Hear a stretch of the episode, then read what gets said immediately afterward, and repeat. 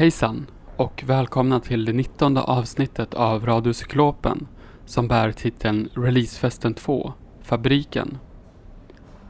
Jag, vars röst på gott eller ont ska vägleda er lyssnare genom kvällens program, heter Samuel och jag befinner mig faktiskt inte som sig kanske bör i Cyklopens ljudstudio i Högdalen, utan i Berlin. Och för att ge er en lite mer konkret bild, liksom kanske en förklaring till det bakgrundsljud ni kanske hör, så sitter jag på en bänk i Alternational Galleri, ett av de statliga museerna som nyligen öppnade efter att ha varit stängt i en evighet. Förra veckan var Radiocyklopen på releasefest hos Chateau i Aspudden. Och de av er som fortfarande har huvudet på skaft fredag klockan åtta kanske har räknat ut att även denna kväll ska kretsa kring en releasefest. Nämligen ett nummer av tidskriften Tydningen som har gjorts i samarbete med den oberoende forskningsgruppen Agentur som har figurerat i Radiocyklopen tidigare. Titeln för detta tidskriftsnummer är Fabriken. Det är även en viss fabrik som är anledningen till att jag sitter på denna bänk i Alte Nationalgalleri här i Berlin.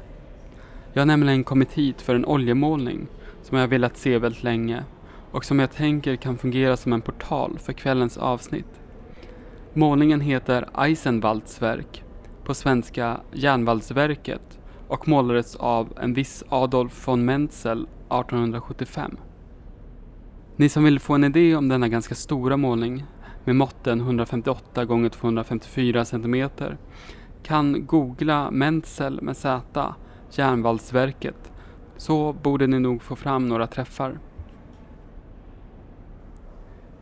Men innan vi dyker in i bilden så ska jag bara säga några ord om verkets upphovsman, denna Menzel, som var en av de mest berömda tyska målarna i slutet av 1800-talet och kanske landets främsta företrädare för den realistiska rörelsen. Under 1870-talet befinner han sig vid något slags vägskäl i sin karriär. Han har de senaste åren spenderat sin tid på en serie historiska porträtt av den preussiska kungen och krigshetsaren Fredrik den store och hans hov. Samtidigt har han tagit intryck av de franska realisterna. Han har sett Corbets Stenbrytarna och även han vill nu så att säga i bild fånga det så kallade arbetande folket. Bara några år tidigare har det tyska riket grundats och dess ledare, en viss Otto von Bismarck, har genomfört en rad statliga åtgärder som i snabb takt främjar den industriella utvecklingen av landet. En ny verklighet har uppstått för den arbetande massan och det är denna verklighet Menzel nu vill fånga. I målningen jag sitter framför har konstnären, precis som titeln säger, framställt ett järnvalsverk, det vill säga en fabrik eller anläggning för järnproduktion. Den tunga industrins atmosfär har här återgivits med enorm skicklighet.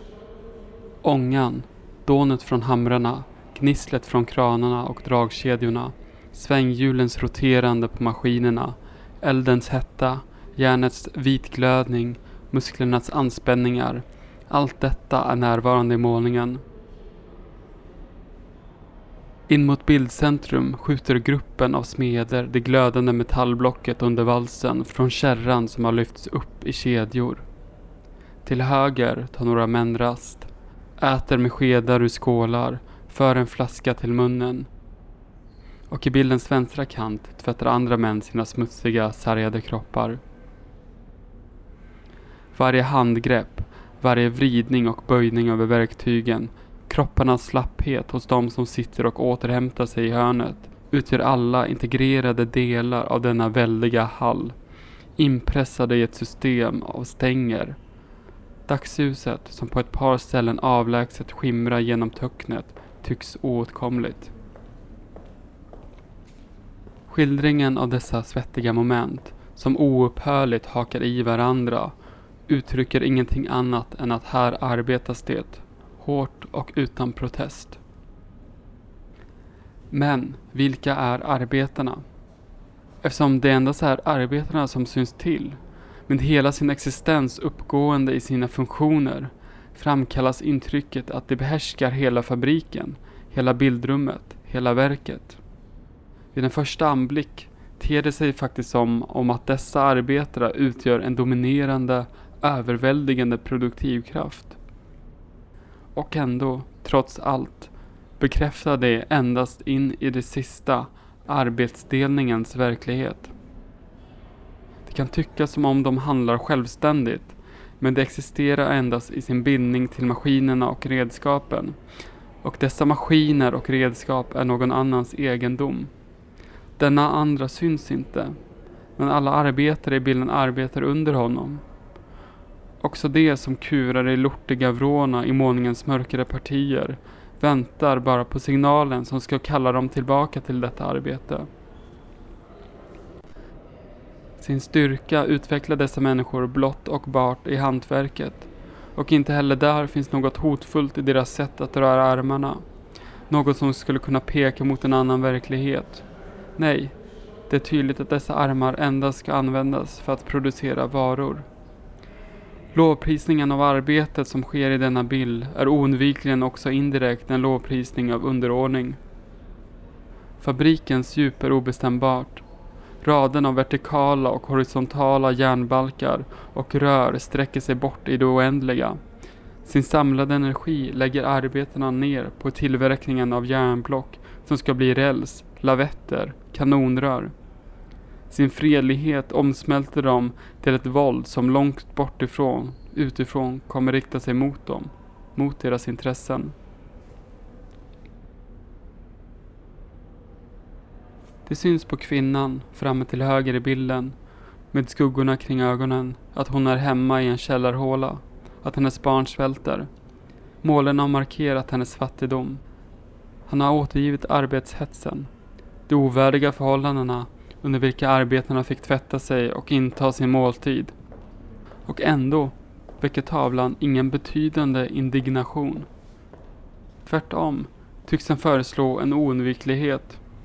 Den arbetande människan är handlingens bärare i målningen. Full av säkerhet fullgör han sina uppgifter. Varje grepp, varje gest tycks förläna honom självmedvetande. Men hans prestationsförmåga fyller endast osynliga kassaskåp. Hur stor medömkan konstnären Adolf von Menzel än må ha känt för dessa arbetare i deras sociala misär, så har männen i bilden, med sina fårade ansikten och sina glödande hopknipande ögon, frånkopplats från samhället och de organisationer som redan på den tiden ägde realitet. Den människa Menzel har ställt fram till beundran för publiken är Der Deutsche Arbeitsmann den hyggliga tyska arbetaren från Bismarcks rike med en enda uppgift, att vara arbetsam, duktig och lojal. I bilden är han järnets hantlangare och järnet, med sin intensiva glöd, är mer än en metallklump. Den är en symbol för den industriella imperialistiska expansionen som överheten under denna tid drömmer om. Huvudfiguren i verket är inte den arbetande människan utan den vitguldiga smältan som enligt kapitalackumulationens logik gång på gång placeras under valsarna.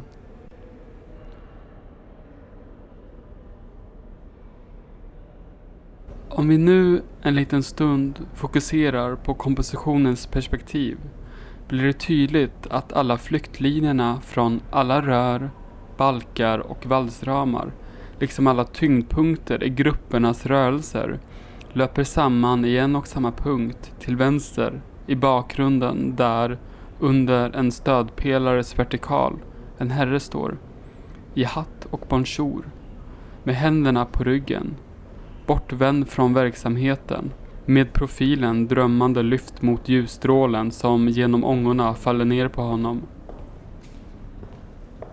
Belyst på det viset och så isolerad Tillfreds och sysslolös är ingen annan i bildens lågor och gnistor. Föga ögonfallande står han där, hejdar sig i sin rundvandring. Och kanske funderar han på det måleriska behaget hos denna organism av metall. Kanske tänker han på aktiekursen. Kanske tänker han på hur allt, i och utanför fabriken, kan fortsätta gå sin gilla gång, oförändrat. Den bild som nu har trätt fram reflekterar också indirekt den position, det perspektiv, den blick målaren själv antagit för att realisera verket. Vilket är den blick som vi som betraktare av målningen också erbjuds. Medan arbetarna släpper fram sina kroppar på golvet så är vår blick lätt leviterad. Vi intar ett helhetsperspektiv från ovan som förvandlar alla salens komponenter, verktygen och arbetena till en integrerad helhet som går att betrakta på distans men som sluter sig för varje aktivt ingripande. Fabriken är öppen för åskådning men inte för förändring. Men hur kan eller bör då arbete avbildas? Hur kan eller bör en fabrik dokumenteras? Låt dessa frågor vara med er när vi träder in i kvällens avsnitt Releasefesten 2, Fabriken. Men innan denna releasefest börjar ska vi lyssna på ett ljudspår av konstnären Roberto N. Peire med titeln Besättningen. Men allra först en jingel.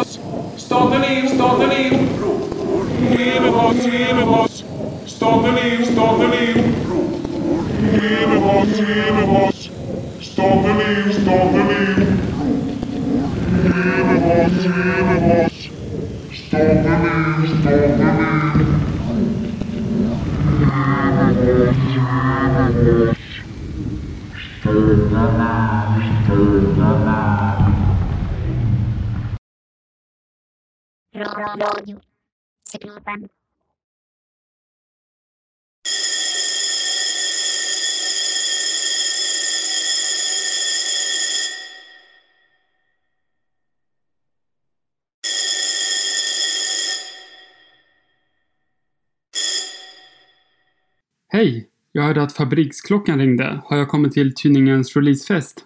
Ja, hej! Välkommen Samuel! Hej! Hej Samuel! Jag har klivit rakt in via Zoom eh, till ert kök ser det ut som. Ja, vårt kök. Precis, här i Trångsund. Och vi ser din lägenhet i Berlin där en stor monstera håller på och växer sig upp i taket. Vad fint att du säger, säger det. De flesta brukar säga, skulle nog säga att det är en stor monstera som håller på att dö. Jaha, Ja, sånt ser var, inte jag. var nog mer inne på det faktiskt. Precis. Då har vi redan en uppdelning mellan er mellan liv och död. Okej, men så, så himla kul att eh, Radiocyklopen får ta del av denna releasefest. Jag tänker att vi alldeles strax ska prata mer om vad det är som har release. Men vi kanske kan börja med att ni berättar lite kort om vad tidningen är för något. Vad är det för typ av tidskrift? Eh, vi kan börja med att presentera oss kanske. Jag heter Cecilia Lusson och är med i redaktionen för tidningen. och jag heter Filip Lindberg, också med i redaktionen för tidningen. Och utöver oss två så är också Sara Wengström och Erik Sandberg redaktionsmedlemmar eh, tillsammans med vår, våra formgivare Fält också, som vi också arbetar tätt med. Eh, vi är, och vi är en, tid, eh, en tidskrift för poesi, kritik och teori Mm. eh, som eh, Ja, eh, som har funnits ungefär runt tio år nu. Eh, och vad som särskiljer oss kanske från andra skandinaviska poesikritik, teoritidskrifter med den typen av fokuspunkter är att vi också tycker väldigt mycket om att arbeta med tidskriftens liksom, materiella aspekter och formmässiga aspekter. mm, På, och hur, hur, hur kan det arta sig mer liksom, konkret? Varje tidskriftsnummer är egentligen eh, som en egen publikation i sig. Eh, och vi arbetar också ganska seriellt med att det är, till exempel har vi två stycken eh, olika serier just nu som är dels en arkiv eh, tematiserad eh, serie och sen en annan som är mer om poesi och montage. Eh, men de ser, de ser väldigt olika ut, Mm, eh, tidskriftsnumren. Och vi låter materialet som vi får in bestämma formen för det. Mm. mycket. Vi spelar dialektiskt liksom, Mm. med, Just med formen för varje nummer. För där tänker jag mig liksom att ni skiljer er ganska starkt åt en den absolut mest etablerade sättet att göra tidskrifter. Alltså om det finns någon, eh, alltså tidskrifterna är ju liksom kan skilja sig från månad till månad eller från nummer till nummer innehållsmässigt men det är alltid liksom ett väldigt satt specifikt materiellt format. Ett visst sidoantal, en viss tjocklek, ett visst, en viss storlek på, på, på, på sidorna. Men, Mm. men min erfarenhet av tidningen är att ni, ni tar verkligen ut svängarna ibland. Alltså, det är verkligen mm, nästan olika typer av eh, trycksaker eller bokobjekt, eh, publikationsobjekt varje gång. Eh, Mm. Ja, vi har den ambitionen i alla fall. Ja, vad fint att du, att du sa det. Ja, Eh, vi har, de kan ju se väldigt olika ut. Den, är det den senaste, eller nej, näst senaste numret eh, som heter Leporello till exempel har då en Leporello-form som är som en slags dragspel som man drar ut. Eh, Just det de- var sådana man gjorde på, på förskolan. Eller liksom. precis. Ja, men precis. Alltså, Precis. Och det, det är ju också eh, en rolig association liksom, med Mm. lekskolan. Alltså, för det är ju, det är ju lek alltså, väldigt mycket också. Det är ju, dels att vi vill utforska de materiella förutsättningarna för att skapa en tidskrift. Alltså vad ska en tidskrift kunna vara? Eh, men det är också just att det är väldigt lekfullt. Att vi kan få hålla det väldigt öppet. Precis. Och att det spelar ganska mycket roll för liksom läsningen i hur, ett, hur en tidskrift fungerar helt enkelt. Mm. Liksom, materiellt och hur man upplever den. Och där har vi ett väldigt liksom, bra nära samarbete också med Fält, våra formgivare. Som Mm.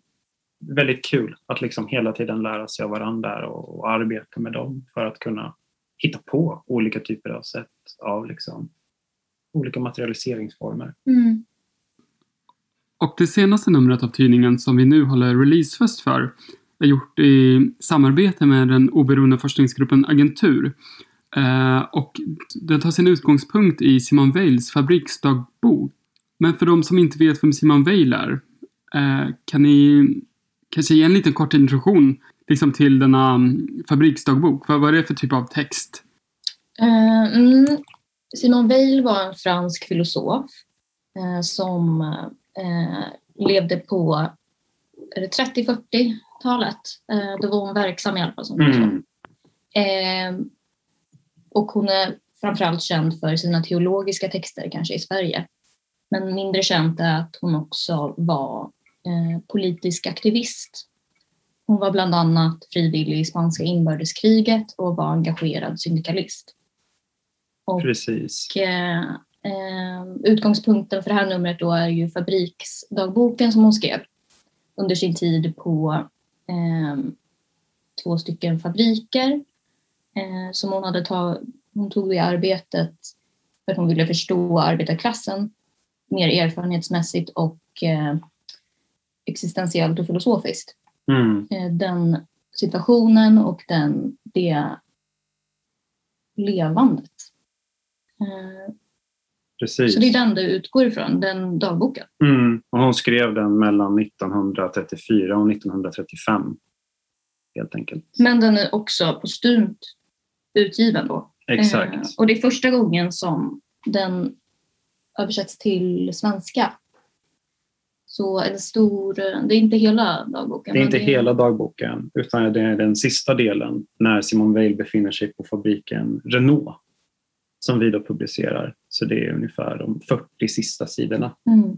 eh, som nu som sagt för första gången kommer på svenska i översättning av Martin Högström som ni senare kommer få lyssna till också. Och Renault, det är det franska bilmärket. Precis.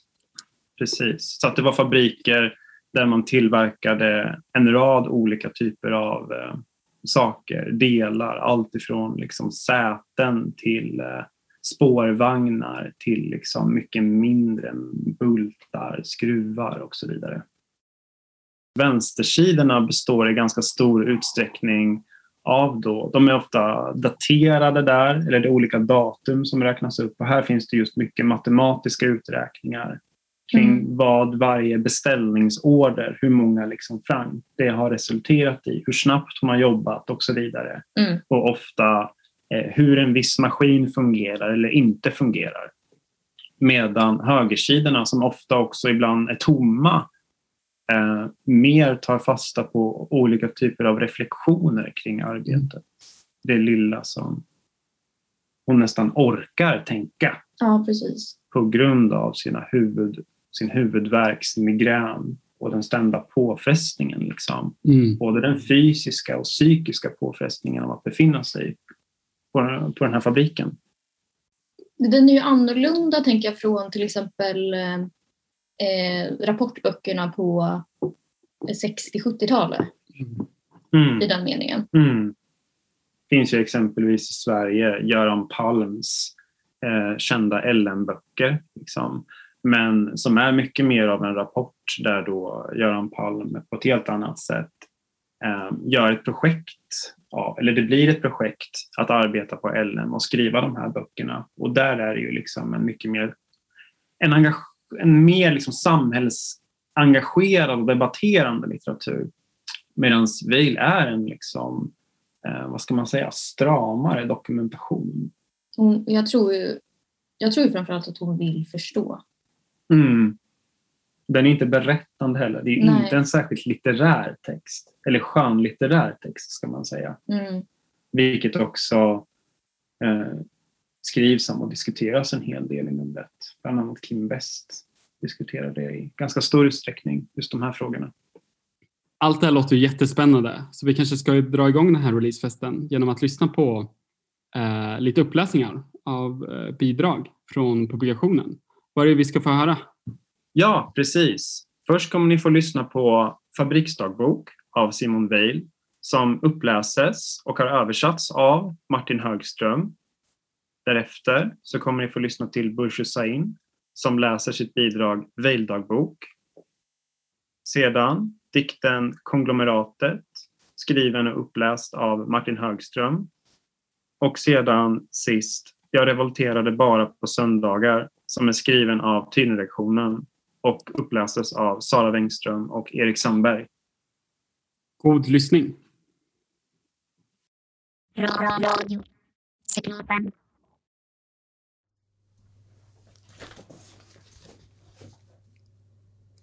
Fabriksdagbok. Renault. Måndag den 24. Sov dåligt, klåda. Morgon, ingen aptit. Ganska våldsam huvudvärk. Smärta och ångest inför att gå till arbetet. Vid ankomsten katastrof. Eftersom min medarbetare inte ännu kommit hade lådan som delarna lagts i stulits. Jag förlorar en timme på att hitta en ny. Den måste ha hål. Jag börjar jobbet, sliten fräs. En ny reglerare, i grått, i verkstaden sedan en vecka, byter den åt mig, på egen hand. Varpå han märker att det är spel lite överallt. I synnerhet har ringen som håller fräsen på plats dragit åt skogen i minst tio år. Han är förvånad över att de två polarna inte bytt den. Min maskin är ett gammalt skrälle, säger han. Han tycks veta vad han gör. Till slut börjar arbetet klockan halv fem.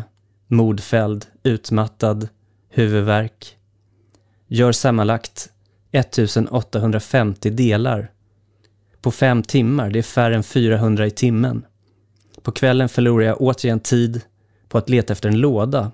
Och när jag inte hittar någon tömma delar i en korg jag tagit från maskinen bredvid. Och den låda där de 16 000 delarna hällts är så tung att hantera att jag måste tömma den i en annan. Hemma, trött, men inte överdrivet. Framförallt avsmak över att ha gjort så lite och dödstörstig. Tisdag den 25. Vaknar klockan sju. Långdraget och tröttande besök hos tandläkaren. Tandvärk hela förmiddagen. Nästan försenad. Varmt. Har svårt att komma upp för trappan vid ankomsten. Hittar min nya medarbetare, alsassisk kvinna. Måste återigen leta efter en låda. Tar en vid en maskin. Dess ägare anländer, ursinnig. Tar istället den som innehöll de delar som ska göras, tömmer den. 200 kvar. Tillbaka där jag började således. Hittar en annan. Går och fyller den skopvis vid svarven. Flyttar tillbaka den, tung. Går därefter, klockan fem i tre, till sjukstugan. En begynnande böld som förorsakats av en avskrapning. Väl tillbaka finner jag mina 2000 delar uthällda invid min maskin. Lådan återtagen av sin ägare i min frånvaro. Går återigen och letar. Tilltalar förmannen mittemot hissen. Han säger till mig Jag ska se till att du får en. Jag väntar. Han skäller ut mig för att jag väntar.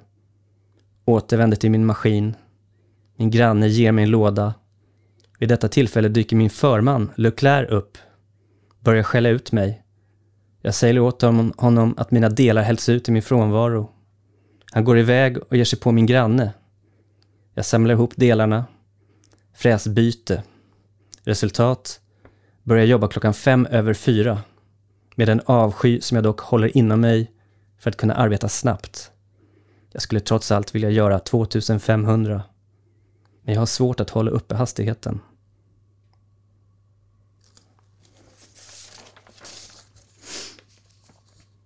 När jag lämnar tandläkaren tisdag morgon tror jag, eller snarare torsdag morgon, och stiger på W-bussen får jag ett konstigt infall. Hur kommer det sig att jag, en slav, kan stiga på den här bussen och åka med för mina tolv so som vem som helst? Vilken oerhörd ynnest! Om någon skulle beordra mig bryskt att stiga av och säga att dessa bekväma transportmedel inte är till för mig, att jag måste gå till fots, tror jag att det skulle te sig helt normalt för mig. Slaveriet har fått mig att helt förlora känslan av att ha rättigheter. Det framstår som en ynnest, dessa stunder då jag inte måste uthärda någon mänsklig brutalitet. Dessa stunder är som himmelska leenden, en slumpens gåva. Hoppas kunna behålla denna sinnesstämning som är så förnuftig. Mina kamrater har inte den här sinnesstämningen i samma utsträckning, tror jag. De har inte till fullo förstått att de är slavar. Orden rätt och orätt har förmodligen bibehållit en mening för dem i viss grad i denna situation där allt är orättvisa.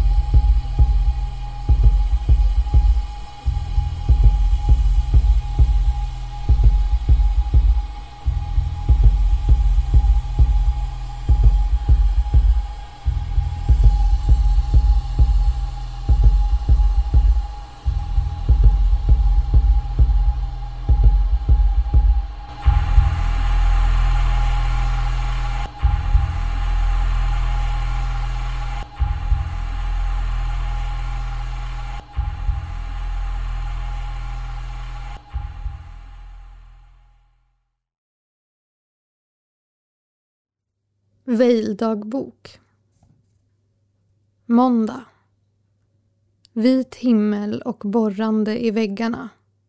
Ett ljud som gör det svårt att sova vidare.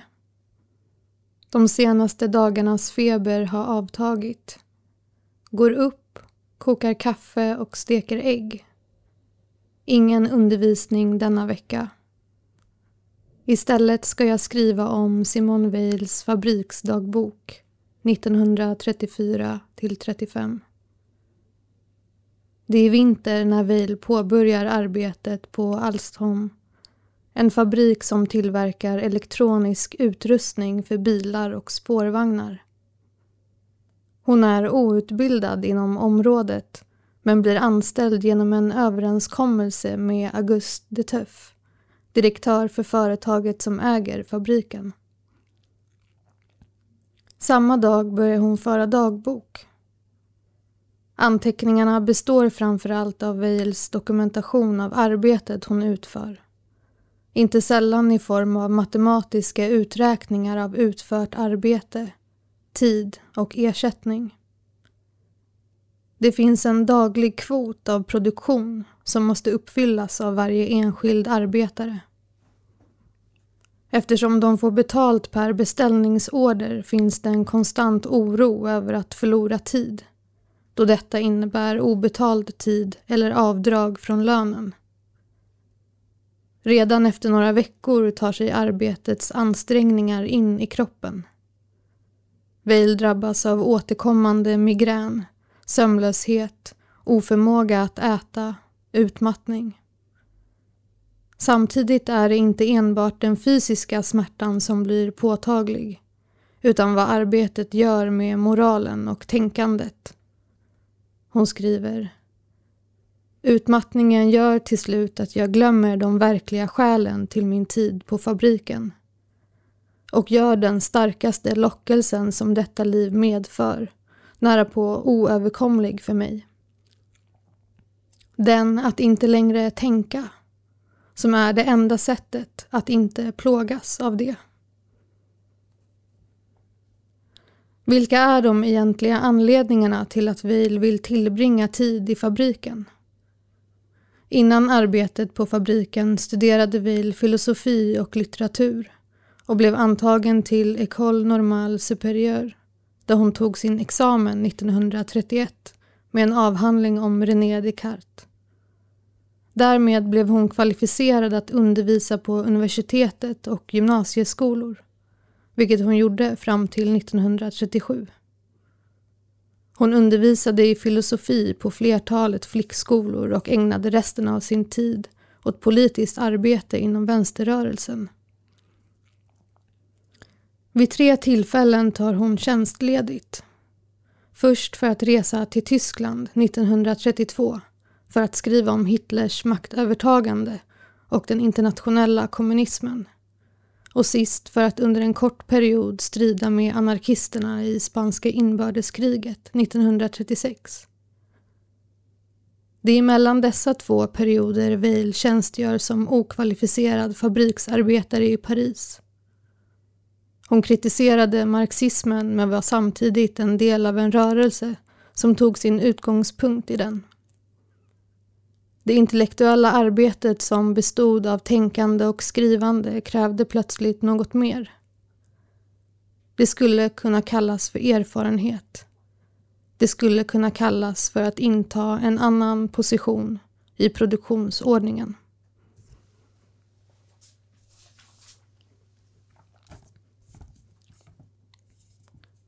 Fredag. Dimma har lagt sig över lägenhetshusen och fältet. Jag promenerar en stund och sätter mig på ett fik i en av de gamla hembygdsgårdarna. Det är också fredag när Vej letar efter en låda som hon kan lägga färdiga delar i. Hon hittar en som är full av metall som hon tömmer men blir beordrad att lämna tillbaka den. Hon lyder och hittar en annan, längst bort i verkstaden. Men en kvinna invänder mot att hon tar den. Hon ger upp. Hon fortsätter arbeta och när hon har 500 ofärdiga delar kvar tömmer hon dem delvis på maskinen, delvis i ett slags korg som finns i maskinen bakom. Hon lägger de färdiga delarna i lådan som tömts hon arbetar över helgen på en annan maskin och hittar en låda. När hon återvänder på måndagen är lådan stulen. Hon letar efter en annan i en timme. När kvällen kommer måste hon leta efter en ny låda, förlorar ytterligare tid, men hittar ingen. Dagen efter måste hon återigen hitta en låda och tar en som ligger nära en annan maskin. Maskinens arbetare återvänder och är rasande. Hon tar en som är full och tömmer den. Hon hittar en annan låda, fyller den och bär tillbaka den. Hon besöker sjukstugan. När hon återvänder hittar hon lådans innehåll tömt nära sin maskin eftersom lådan hämtats tillbaka av sin ägare. Hon letar igen. Hon säger till förmannen som meddelar att hon ska få en. Hon väntar och blir utskälld för att hon väntar. Hon går tillbaka till sin maskin och får en låda av en arbetskamrat från maskinen bredvid. Det finns inget uppenbart lidande i att konstant leta efter en låda. Men det är under omständigheterna förödmjukande.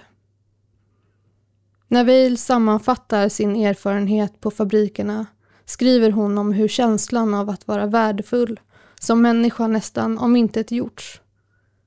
Om nedbrytningen och fruktan för order där tiden är en outhärdlig börda.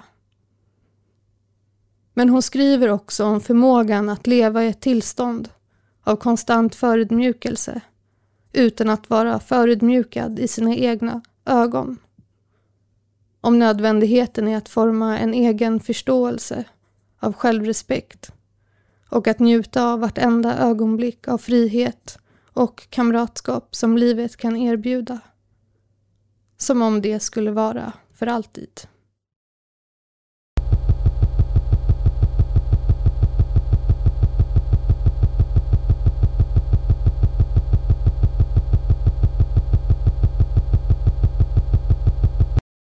Konglomeratet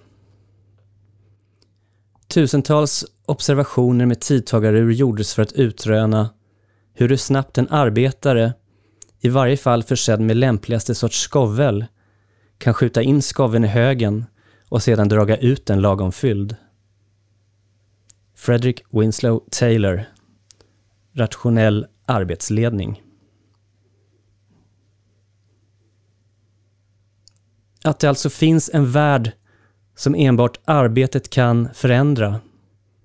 Vars korrupta celler har våra sjukdomar att tacka för sina nya svagheter. Med en dialekt som får huvudet att slå bakåt. Det är naturligt. En frän lukt av bränt järn, skrotdamm, svetsar ihop skarvarna, täcker över beslagen. En cigarettstump kastad från ett fönster utifrån vilken ingenting kan skriva sig in i världen. Så som ett resultat av en personlig erfarenhet. Det är ett verktyg på vilket alla material placeras. Bensolism, blodsjukdomar, bilder någon annanstans, vars arbete ackumulerat detta gods. Till slut och för första gången, en spiralens yttre ring bortom vilken ingenting har tillträde, under tyranniet från våra missriktade fackföreningar. Det verkar som att det behövs ett annat språk för att översätta det. De silverglänsande tackorna forslas bort, med blicken sänkt för en sekund, som i tankar mellan orden. Klockan halv sex på eftermiddagen. Händer tvingade till sysslolöshet rör sig på nytt. Små löpande band slår ut i en stjärna med andras blod. Uppslitna slamsor av samhällen, stansmatriser, yttre själ. Cellerna i världens hjärna böjer sig ner, tar upp en tacka på ungefär 42 kilo, bär den några steg. En stark lukt av härsket fett. Reservdelar skyddade mot rost av ett tjockt lager av en brun, fet oljebaserad massa. Om det inte vore för den isolerade uppgiften skulle ledan som springer därur utplåna uppmärksamheten. Vi använder varje medel, såsom att avskeda de mest envisa eller sänka avlöningen för dem som icke visade någon förbättring. Huvudet som slår åt sidorna vid varje stavelse. Det var ett led i arbetskriget. Legeringar, lådor, vagnar, ett hål. Det sociala förtrycket kommer att slå ned på dem med sina fingrar 30 000 gånger per år och det klara röda blodet broderat golvet i hennes rum. Det är en skräck att gå dit. Och dock ska det visa sig att det är omöjligt utan hjälp av en person med större bildning, vita kvastar, identiska och oförstörbara genom kolvarnas tunga puls. Jag har nästan obegränsad förmåga att anpassa mig med arbetarnas pengar. Det är min första dag i denna produkt. En mager kropp som svävar i en grå duk. Verkligheten måste tränga in. Likt en vilja som ger kraft att utföra de ärenden som aldrig befallts mig. Så att tanken kryper ihop, dras samman. Det ösregnar. Dominanta metaller. Vi har fallit utom evigheten. Jag ser inte längre min framtid. Det finns inget stort på denna jord. Ingen lyfter någonsin blicken. En fuktig mur i källarhålets smutsgrå skymning. För att tvinga skopan bakåt. Att producera är inte tillräckligt. Järndamm och virvlar av minimala metallfragment. Som en förvarning. Att aldrig smärtan från flammorna mot mitt ansikte och elden mot mina armar får mig att begå ett misstag. Vart och ett av dessa blad stort som en okänd himmel. Att rosta i ugnen. En avskuren tråd mellan planeter som redan manövreras utifrån. En variation undandragen varje regel. Vi sveper in den som ett litet barn med borren fäst i en elastisk kedja. Den värld där vi befinner oss existerar verkligen. Motorblock, gjutna plåtdelar och tunna plattor, skelett, dörrar, vingar anländer färdigutformade. Uppslukade i en rullande tunnel. Fingrarna, efter noggrant studium, i luftintag, genom att lyfta eller skjuta ett föremål med handen. Orden matas fram utan hänsyn. Denna måltid är inte en avkoppling. Kemiska bad, roterande pistonger i moln av ånga, korrosiva syror, lack. Kunskapen blir autentisk när den förvandlas. När dagens ljus dansat över den oljiga metallen och det blanka stålet. Så att där alltid är två. Med ledning av noggranna diagram, kartor eller som pjäser på ett schackbräde. Varje verktyg ett vapen. En såg, en skiftnyckel, en hammare, en skära, min hud på väg bort. Dessa rutiner sjunker omärkligt in i era skallar och muskler tills de blivit till främmande delar av er själva. Med tillfälliga avbrott under en tid av omkring 26 år. Alla nävar, hjärnor, någonstans i kanten, en vårdag, med denna första värme som är så besvärande. Inom dessa ramar, de förhållanden som beaktas är inte längre de mellan artfränder, som om alla var samma. Under arbetets särskilda moment, var och en föremål för ingående studium. För inget är snabbare än elektriska kablars ljuskanaler i en hävning eller stötning med armen. En acceleration som tömmer. Tusen gånger om dagen. Skallror, smekningar. Uppfinningsrikedomens underverk tar lång tid. I hastig och brutal njutning. Upp ur jorden. För att andas. Med hjälp av sin räknestav konsten att skära metaller. Som en simmare. Kommer ut genom rör kommer ut som en massa blåsvart gummi. En nödvändig rest från en legend. Inget är värre än denna mix av monotoni. I ruinerna av vår forna ensamhet. Kroppens rörelse vid varje ögonblick bestämda av summor. Avsiktliga föreningar. Det är omöjligt att förstå dess principer. Ett illamående som paralyserar. Och hatet mot dem som fördelar ser jag som en känsla av tillhörighet en vindpust från det öppna havet. Några av kvinnorna spottar blod, självmedvetna. Språket instängt bakom två portar. Ett öga groteskt förstorat genom glaset för att se. Mitt på dagen detta skådespel av skuggor längs dunkla skåp. Två brickor på sidorna. Facklornas lågor. Hammarslag, stanslag. Suddar automatiskt bort de genomvridna känslorna skuldra vid skuldra för att få fram stenen ur en oordnad tegelhög inför en oavbruten upprepning av ständigt identiska enheter underkastad tiden på samma sätt som den livlösa materien som följer sekundernas långsamma gång som riddare, vävnaderna i armmusklerna stadda i förslappning, arealer otillgängliga för tankar, för fordon, på baksidan av vänster hand i fåran mellan två sammanpressade fingrar. Ett och samma ord. Tio och en halv timme om dagen. Ur fem eller sex hål på ugnens botten. Närvarande genom konsekvenser. Häller den på fat efter fat. Med händerna i bön. Några tiotal meter fyrkantig asfalt. Hennes tal utgör det sista stadiet innan den totala lösningen om jag varit utgången ur arbetarnas led, tvingar ihop läpparna och drar ner huvudet mot bröstet så att kiselstenar murbruk komma i läge. De rör sig under marken, munnen öppen och ögonen på väg att slutas, nära varandra och i lagom höjd. Varje handtag föregås av flera förberedande handtag, men vi producerar ingenting. Uppdelningen görs enligt en mycket enkel premiss den är rasistisk. Blodet som för maskinerna till vattenfallen. Kropparna i pant för hjulets slutna gåta. Denna oavbrutna kedja tenderar att falla ned i sömn. Glasögon.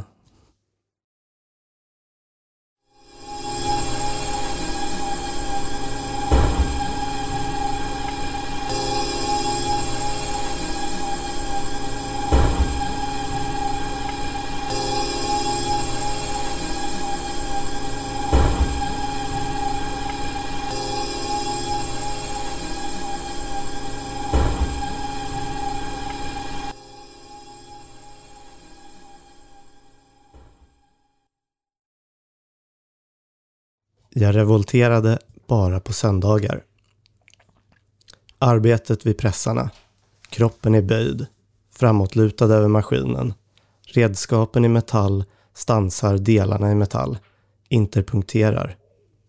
Fabrikens oväsen installeras som en andra interpunktionsapparat i Simone Weils fabriksdagbok. Hård, utspridd och oregelbunden. Tillsammans producerar oväsendet från maskinerna en syntax för de arbetande kropparna att eftersträva och upprätthålla. Det är fabrikens grammatik. Jag läser om arbetet vid pressarna. Huvudet är öppet. De återkommande migränanfallen. Den hårt pulserande smärtan i tinningarna är en del av fabrikens syntax. En kroppsligt inkorporerad rytm. Är inte den klass som Fabriksdagbok beskriver något helt annat än prekariatet? Är det inte en subaltern position som Weil inskärper i sin deskription av den klass som inte räknas i någon situation, i någons ögon?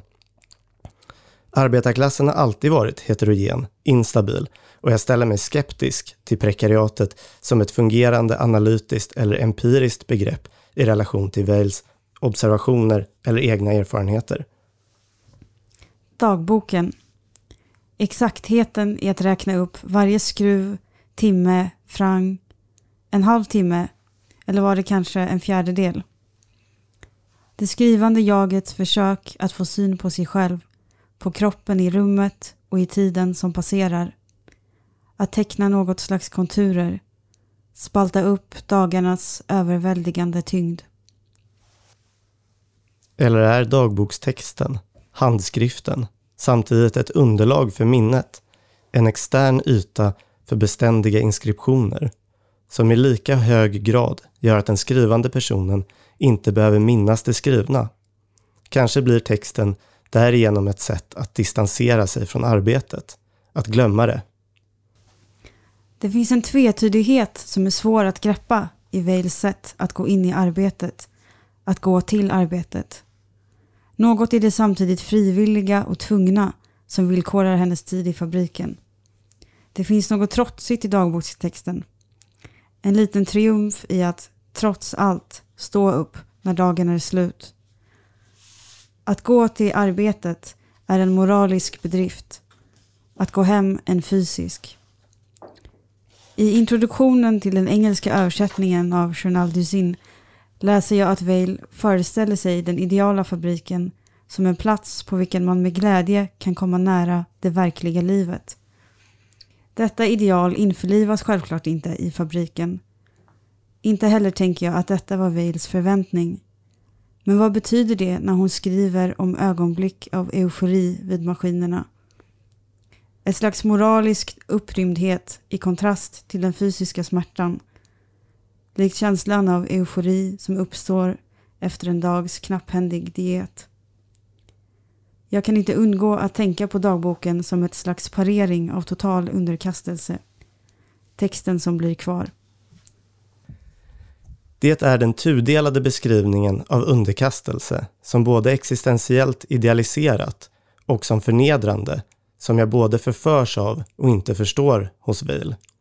Kanske är det ett inslag av tro på en sanning som jag inte delar eller tagit del av och inbegriper inte Wales beskrivning av sig själv som en slav ett slags metaforiskt och metafysiskt moment där den totala underkastelsen och förintelsen av det egna jaget får stå för ett slags ideal. Men vad betyder denna existentiella martyrdom i relation till fabriks och kroppsarbetet? Jag förvillar mig i detta. Första gången jag på allvar insåg vad det innebär att tillhöra arbetarklassen var när jag förstod hur många år som försvinner från ditt liv. Det var inte genom att läsa om produktionsförhållanden eller revolution. Det var att läsa statistiken över hur många år mindre du kommer att leva på grund av ditt arbete. Att din kropp har förbrukats. När det talas om att höja pensionsåldern tänker jag på dina trasiga knän, ditt överansträngda hjärta, din pension som inte skulle vara dräglig ens om du jobbade till hundra år.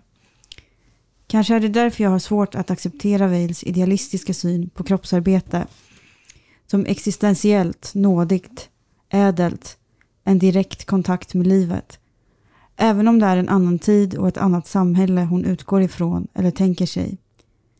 Kanske sitter vad hon kallar förnedring djupare än så.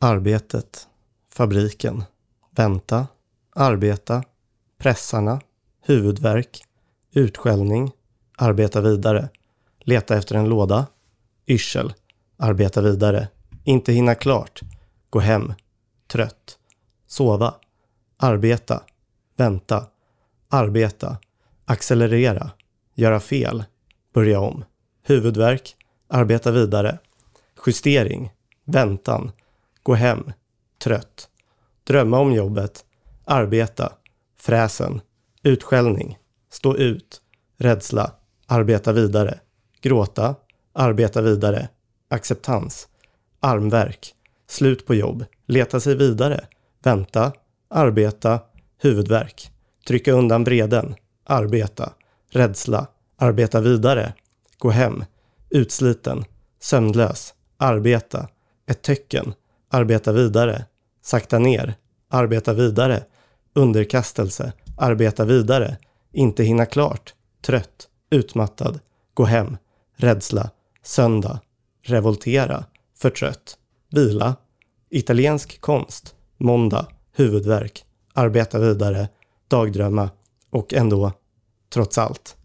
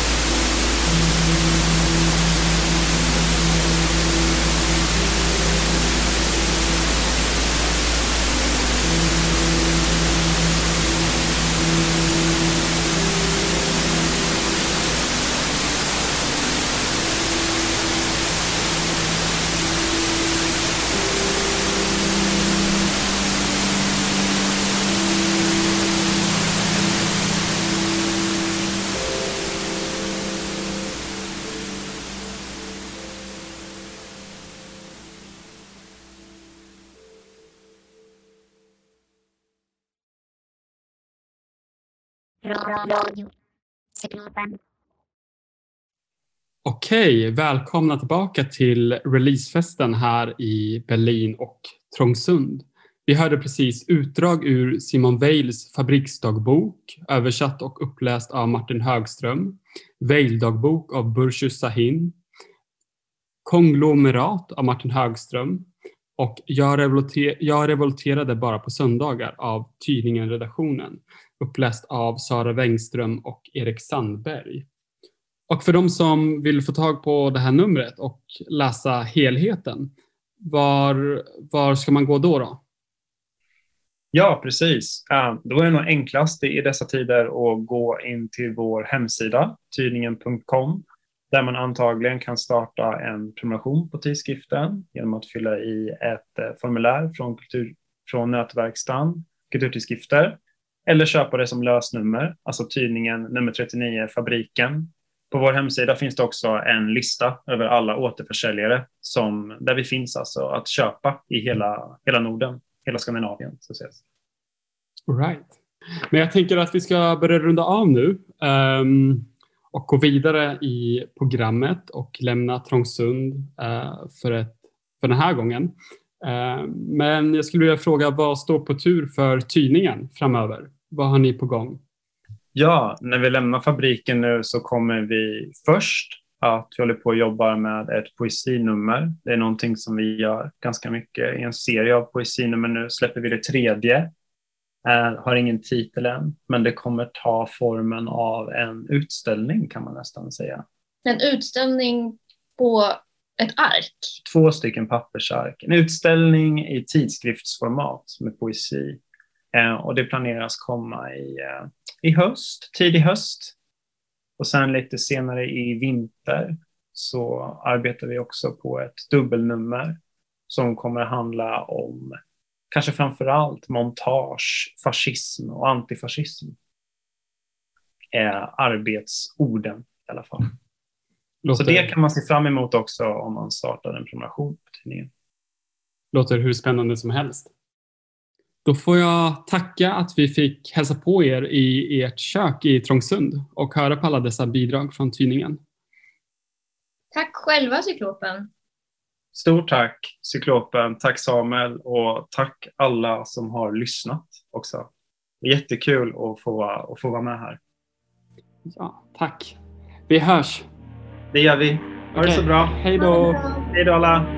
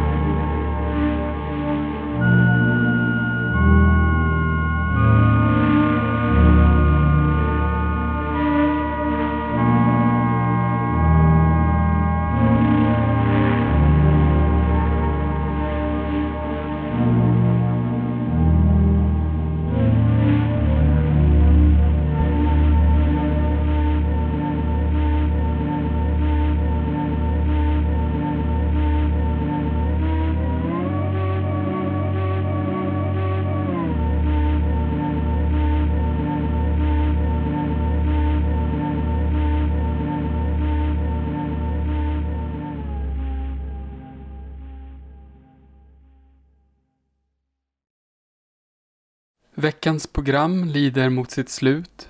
Men innan sista inslaget spelas vill jag berätta att arbetet med Radiocyklopens 24 timmars sändning på första maj är i full gång. Har du idéer eller material du vill bidra med så hör av dig till radio.cyklopen.se. Det lilla melodistycket som inledde kvällens program kom från Charlie Chaplins film Modern Times från 1936 i vilken den lilla luffaren tar arbete vid löpande bandet i en fabrik. Ingen film har nog på ett mer slående och roligare sätt visat dåtidens moderna industriers och löpande bandets alienationsprocesser. Om denna melodi fick inleda dagens program, vad passar då bättre än att avsluta med en flykt från samhällsfabriken till tonerna av en helt ny housemix av Samira från Sound Citadel Dance Club. Vi hörs nästa vecka.